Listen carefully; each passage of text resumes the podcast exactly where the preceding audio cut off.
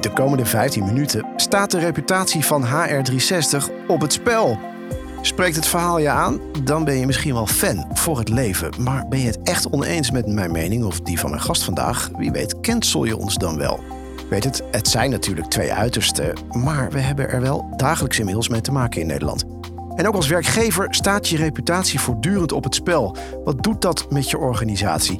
En misschien nog wel belangrijker, hoe maak je fans van je eigen werknemers? En hoe groot is de invloed van je merkreputatie op hoe mensen naar jou kijken als werkgever? Ik ga erover in gesprek met Ewout de Bruin van Lenen Communicatie. Hij weet als geen ander wat reputatie betekent en hoe het in de weg kan zitten, maar ook hoe het je kan helpen. Mijn naam is Bart Jan Kuhne en dit is HR360, een podcast van Mercer. Welkom Ewout. Ja, fans creëren voor je merk. En dan niet alleen onder je klanten, maar vooral ook onder je werknemers. Waarom is dat zo belangrijk? Ja, dat, uh, dat is op dit moment hot. Hè. Dat is gewoon uh, de sleutel tot succes. Want als je een fan hebt, als je fluitend naar je werk gaat iedere dag en denkt, ja, mijn kernwaarden en de kernwaarden van mijn bedrijf, het komt helemaal overeen, ja, dan draag je dat ook uit. En dat vertaalt zich uiteindelijk natuurlijk in hoe je naar, naar klanten kijkt hoe je naar klanten kijkt en ook hoe je, werknemers dus eigenlijk ook over jou praten naar anderen toe. Ja, daar gaat het over. Hè. Hoe uh, een werknemer, uh, als die omarmt het bedrijf waar die werkt, uh, dan praat hij daarover op feestjes, dan benadert hij de klanten zo. Het gaat om dat je als werknemer nou ja, ook fluitend naar je werk gaat, maar ook fluitend naar een klant gaat, bij wijze van spreken. Dat je echt fan bent. Ik zie ook aanknopingspunten met een thema dat al eerder voorbij is gekomen in HR360, namelijk de voortdurende zoektocht naar toptalent en ook het feit dat dat echt moeilijk is op dit moment. Op het moment dat je werknemers fan zijn, eh, kan dit dan daaraan bijdragen? Ja, dan ga je in je netwerk kijken. Dan uh, iedere werknemer uh, die kent wel weer een paar honderd mensen op LinkedIn.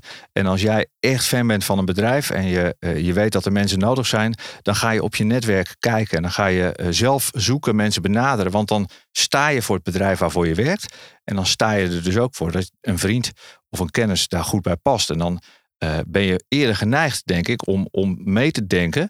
Want je wil met z'n allen, want dat is het dan. Je bent met z'n allen het bedrijf. Je wil met z'n allen een nieuwe medewerker aantrekken. Nu zal elke ondernemer, elke directie, elke boord trots zijn op het bedrijf en op het product dat er dagelijks wordt uh, verkocht.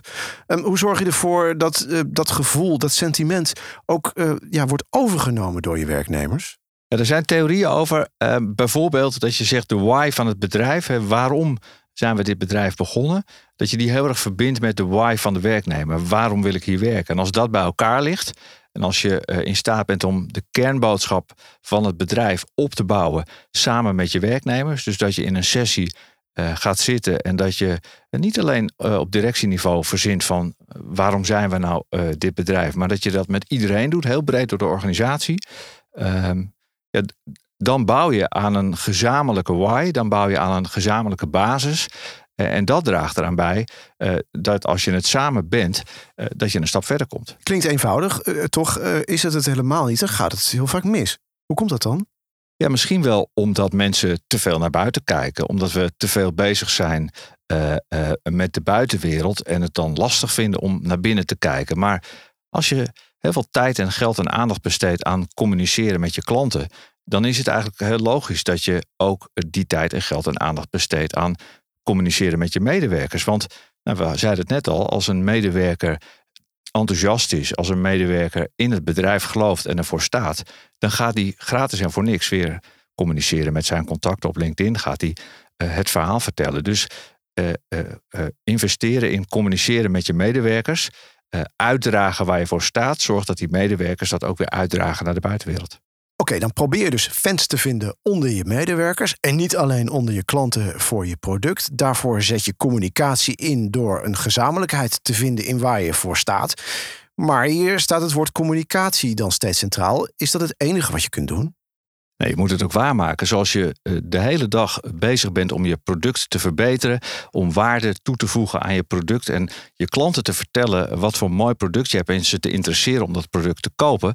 Zo moet je ook intern kijken en kijken hoe kan ik waarde toevoegen uh, uh, voor mijn medewerkers. Hè? Waarom is het interessant om hier te werken? Wat is de value propositie voor, voor die medewerker? Waarom is het zo tof om voor dit bedrijf te werken? Welke keuzevrijheid heb ik? Hè? Eh, eh, zit ik in een loongebouw gevangen of heb ik wat vrijheid om een deel van mijn salaris in te leveren en dan vrije dagen te kiezen als je net jonge kinderen hebt? Die waarde creëren als werknemer of als werkgever naar je werknemers toe, dat is net zo belangrijk als de communicatie daarover. Maar dat is een hele interessante en misschien ook wel een hele nuttige vergelijking voor onze luisteraars. Uh, zeker voor degenen die ervaring hebben met het in de markt zetten van een product. In feite is het omgaan met je medewerkers niet veel anders. Als je maar kijkt naar wat is nou eigenlijk de toegevoegde waarde van het werk hier in dit bedrijf. Wat krijg je ervoor terug en, en maken we onze belofte ook daadwerkelijk waar? Ja, als je uh, naar buiten toe een belofte doet, reclame maakt en zegt ik garandeer dit product, dan moet je dat dus intern ook doen. En daar komt dan uiteindelijk communicatie en HR weer bij elkaar. Dat is zo belangrijk dat je als je HR-beleid maakt, marketing, communicatie daar aan het begin al bij betrekt, zodat je samen kijkt van oké, dit uh, uh, HR-vraagstuk willen we in de markt zetten, willen we onder onze medewerkers uitrollen. Hoe gaan we daarover communiceren? En communicatie waarborgt dan hè, dat je het goede verhaal vertelt. En HR zorgt dat je het goede product richting je medewerkers brengt. En, en zo brengen we het weer bij elkaar. Je zegt iets belangrijks. HR en marketing. Dus het is niet alleen een opdracht voor de HR-afdeling om dit te realiseren. Nee, want die HR-professional die heeft primair verstand hè, van, van de regelingen. We hebben op een gegeven moment bij een bedrijf uh, uh, gekeken naar: oké, okay, uh, er zijn veranderingen in de regelgeving. Nou, daar moesten de medewerkers wat over weten vanuit HR dan kijkt er iemand van communicatie mee, omdat die heel goed weet hoe je dat verhaal uit kan leggen en hoe je zorgt dat een technisch lastig verhaal ook door de mensen achter de receptie, ook door de schoonmakers, door iedereen in het bedrijf gewoon goed te begrijpen is. En dat geldt dan denk ik ook gewoon voor regelingen. Je noemde dat even arbeidsvoorwaarden. Dus als jij een, een mooie exclusieve arbeidsvoorwaarden hebt weten te fixen... of je hebt uh, ja, zo'n zo mooie app geïnstalleerd... Hè, met allerlei digitale voordelen die je kunt uh, krijgen... vanuit je ja, werknemerschap bij dat bedrijf... moet je gewoon lekker verkopen. Ja, je kan toch best zeggen van, nou moet je nou kijken, ik, hè, we kunnen je misschien niet de top van de markt betalen, want we zijn een start-up. Maar we hebben wel hele toffe andere dingen die echt anders zijn dan bij andere bedrijven. En daar onderscheid je dan ook, denk ik, ten opzichte van die andere bedrijven. Door tegen mensen te zeggen, door ze uit te dagen van ja, ga met mij mee op reis. En het is een hele toffe gedachte. We zijn een heel mooi bedrijf. Ga met mij mee en verbind je aan mijn bedrijf. En ik geef je er dat voor terug. Ehm, naar de klant toe heet het vaak het creëren van een love brand. Hè? Echt een, een, merk waar mensen echt verliefd op zijn en bij willen horen en mee willen doen en ook ambassadeur voor zijn. Ja, je, zou een, je zou een employee brand moeten maken. Hè? Je zou uh, ook een merk moeten zijn waar mensen voor willen werken. Uh, je hoort in, in, uh, in communicatieland, in marketingland vaak het voorbeeld van Coolblue. Alles voor een glimlach. Ehm, en als je zoekt op YouTube, dan zie je filmpjes. Um, uh, waar mensen in kantoren zitten die vergelijkbaar zijn met de ballenbak of de racebaan. Het gaat om de creativiteit. Maar iedereen zegt, ja, wij horen bij dit bedrijf en alles voor een glimlach. Dat dragen we naar buiten uit. Maar dat komt omdat we er binnen mee beginnen. Dus in en extern zijn eigenlijk heel erg met elkaar verweven hierin. Hoe je verder bouwt aan zo'n sterk employer brand, zoals jij het noemt. Mooie, mooie term. Daar gaan we zo over verder. En misschien kunnen we daar ook wel wat nieuwe insights bij gebruiken. Nou, voor die insights hebben we natuurlijk de minuut van Mercer. Met Bartjan. Hey, Bartjan. Met Bartjan. Hey Bartjan, met Bartjan van Mercer. Heb je een minuutje voor me? Het Global Talent Trends onderzoek van Mercer is uit. Laten we even inzoomen op de Nederlandse cijfers. De helft van de Nederlandse werknemers vindt het belangrijk hoe duurzaam hun werkgever is. Van de bedrijven die hoog scoren op vertrouwen ziet 95% van de werknemers zichzelf als ambassadeur. Dat is goed nieuws. Tweederde van de Nederlandse organisaties investeert in digitale platformen om interne communicatie te optimaliseren. Een goede employee experience is de nummer 1 prioriteit bij HR-afdelingen. Aandacht voor een positief imago is dus echt heel belangrijk voor organisaties. We hebben het hier dus over merkbeleving en werkbeleving. Hoe dicht zit dat eigenlijk op elkaar? Ja, Ewout, merkbeleving en werkbeleving. Ja, eigenlijk dat interne versus het externe. Je gaf het zelf al een beetje aan. Hoe dicht zit dat op elkaar? Kan het eigenlijk nog zonder elkaar? Nee, ik denk het eigenlijk niet. Als jij een, product moet verkopen uh, waar je niet achter staat, uh, of als jij een heel goed product verkoopt, maar ja, de baas waarvoor je werkt, het bedrijf waar je werkt, ja, zorgt niet goed voor je. Dat matcht niet met elkaar. Dus je moet, als je goed voor je product zorgt en goed voor je medewerker, dan ben je goed bezig.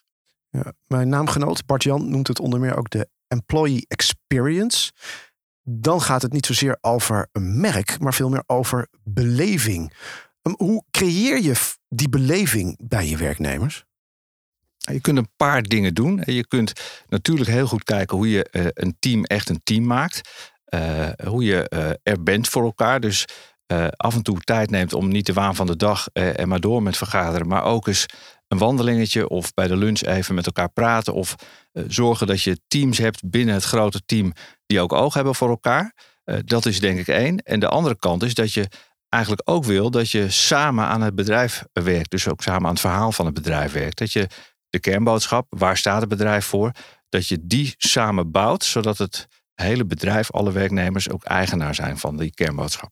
Je stelt je eigenlijk gewoon bijna op als, ja, klinkt, eh, klinkt misschien wat gek, als mens. Ja, je denkt misschien wel, wat zou ik zelf tof vinden of fijn vinden als ik bij een bedrijf werk. En dan maakt het niet uit of je de, of je de, de hoogste baas bent uh, of iemand lager in de organisatie. Hoe vind je het zelf prettig om in een bedrijf bejegend te worden? En wat zou je leuk vinden om bij een bedrijf betrokken te zijn? En als je dat weet om te zetten in beleid, uh, dan ben je een heel eind. En dat kan bijvoorbeeld dus door samen aan die kernboodschap te werken. En, en je dus ook kwetsbaar op te stellen en te zeggen: oké, we gaan bij elkaar zitten. Iemand van de directie, iemand van HR, van het MT. Maar ook iemand lager uit de organisatie. Uh, telefonisten, mensen die normaal misschien helemaal niet mee mogen praten over het beleid. Je gaat met elkaar zitten en je bouwt aan het verhaal van het bedrijf. Als je dat doet, dan wordt het van onderaf ook gedragen. Dan draagt iedereen het uit. En dan is het veel logischer en komt het veel meer van binnenuit. Meten is weten. Is dit te meten? Kun je meten of een medewerker fan is van jouw bedrijf? En eventueel zelfs of die dat ook uitdraagt. Ja, je kunt een medewerker natuurlijk volgen hè, op, op social media, op Cousteau. Er zijn allerlei uh, tools voor. Uh, maar ik denk ook dat je het heel erg meet aan uh, wat voor waardering een medewerker weer krijgt. Als je klanttevredenheidsonderzoeken houdt en je krijgt supergoeie reviews en jouw medewerkers krijgen drie, vier of vijf sterren en er staat bij van we zijn zo prettig geholpen. Dat is denk ik al de beste meettool die er is. Hoe, je, hoe je klanten uiteindelijk weer reageren op jouw bedrijf. Hoe ver ga je hierin als werkgever? Er zijn veel voorbeelden gekomen tijdens deze reeks van HR360 afleveringen waarin de werkgever best wel veel zou kunnen oplossen voor zijn medewerkers. Heb ik het over hoge kosten door bijvoorbeeld door inflatie, uitdagingen op het gebied van inclusiviteit, um, een, ja, een flexibele arbeidsomgeving creëren waarbij je werk en privé goed met elkaar kunt combineren. Ik kan me ook voorstellen dat sommige werkgevers dit wel willen, maar dat het gewoon helemaal niet kan, omdat ze met beperkte middelen zitten, onder strenge regulering uh, moeten werken, omdat er werknemers zitten die misschien helemaal niet zo communicatief zijn ingesteld. Hoe ga je dan ermee om als het gaat om het creëren van fans? Ja, misschien wel door dit al te benoemen. Door, mensen, door tegen mensen te zeggen: veel, we zitten met bepaalde problemen, dus we kunnen niet alles doen, maar laten we er samen naar kijken. Je kunt ook iets inzetten als de painstorm. Dat je die vragen stelt. Hè, dat je zegt van uh, uh, ja, wij zijn niet dit of dat, maar waarom niet? En dat je vanuit het perspectief van de ander redeneert, uh, een andere visie hebt en dan kijkt vanuit de antwoorden die er dan komen, hoe kom je een stap verder? Je gaat dus eigenlijk op zoek naar de behoeften die je wel zou kunnen invullen. Drie bullet points, daar eindigen we HR 360 altijd mee. Als ik jou goed beluister, heb je ons interessante inzichten gegeven waar het gaat over reputatie en imagomanagement. Dat is dus veel meer een interne kwestie dan een externe kwestie, waar je toch vaak te maken krijgt bij de, ja, de uitingen op het moment dat het misgaat. Als je nou drie dingen zou moeten meegeven uit deze aflevering aan onze luisteraars op dit gebied, wat zou je dan zeggen tegen ze? Nou, het eerste zou dan zijn dat uh, de luisteraar het boekje Fanstrategie koopt en leest. Want daar staat heel erg in hoe je, uh, hoe je dat, uh, dat opbouwt, dat merk. en hoe je fans creëert. het tweede zou zijn dat je gewoon heel erg goed kijkt naar de communicatie, intern en extern. Dat je benoemt ook naar je medewerkers wat je doet voor ze, waarom je het doet. En als je dingen niet doet, dan benoem je dat ook. en het derde uh, ja, dat is ook natuurlijk gewoon blijven bouwen aan toffe producten. Uh, want als je geen toffe producten hebt, dan ben je waarschijnlijk ook geen mooi bedrijf om voor te werken. We gaan ons onderwerpen aan een painstorm. Denk je dat we gecanceld zijn?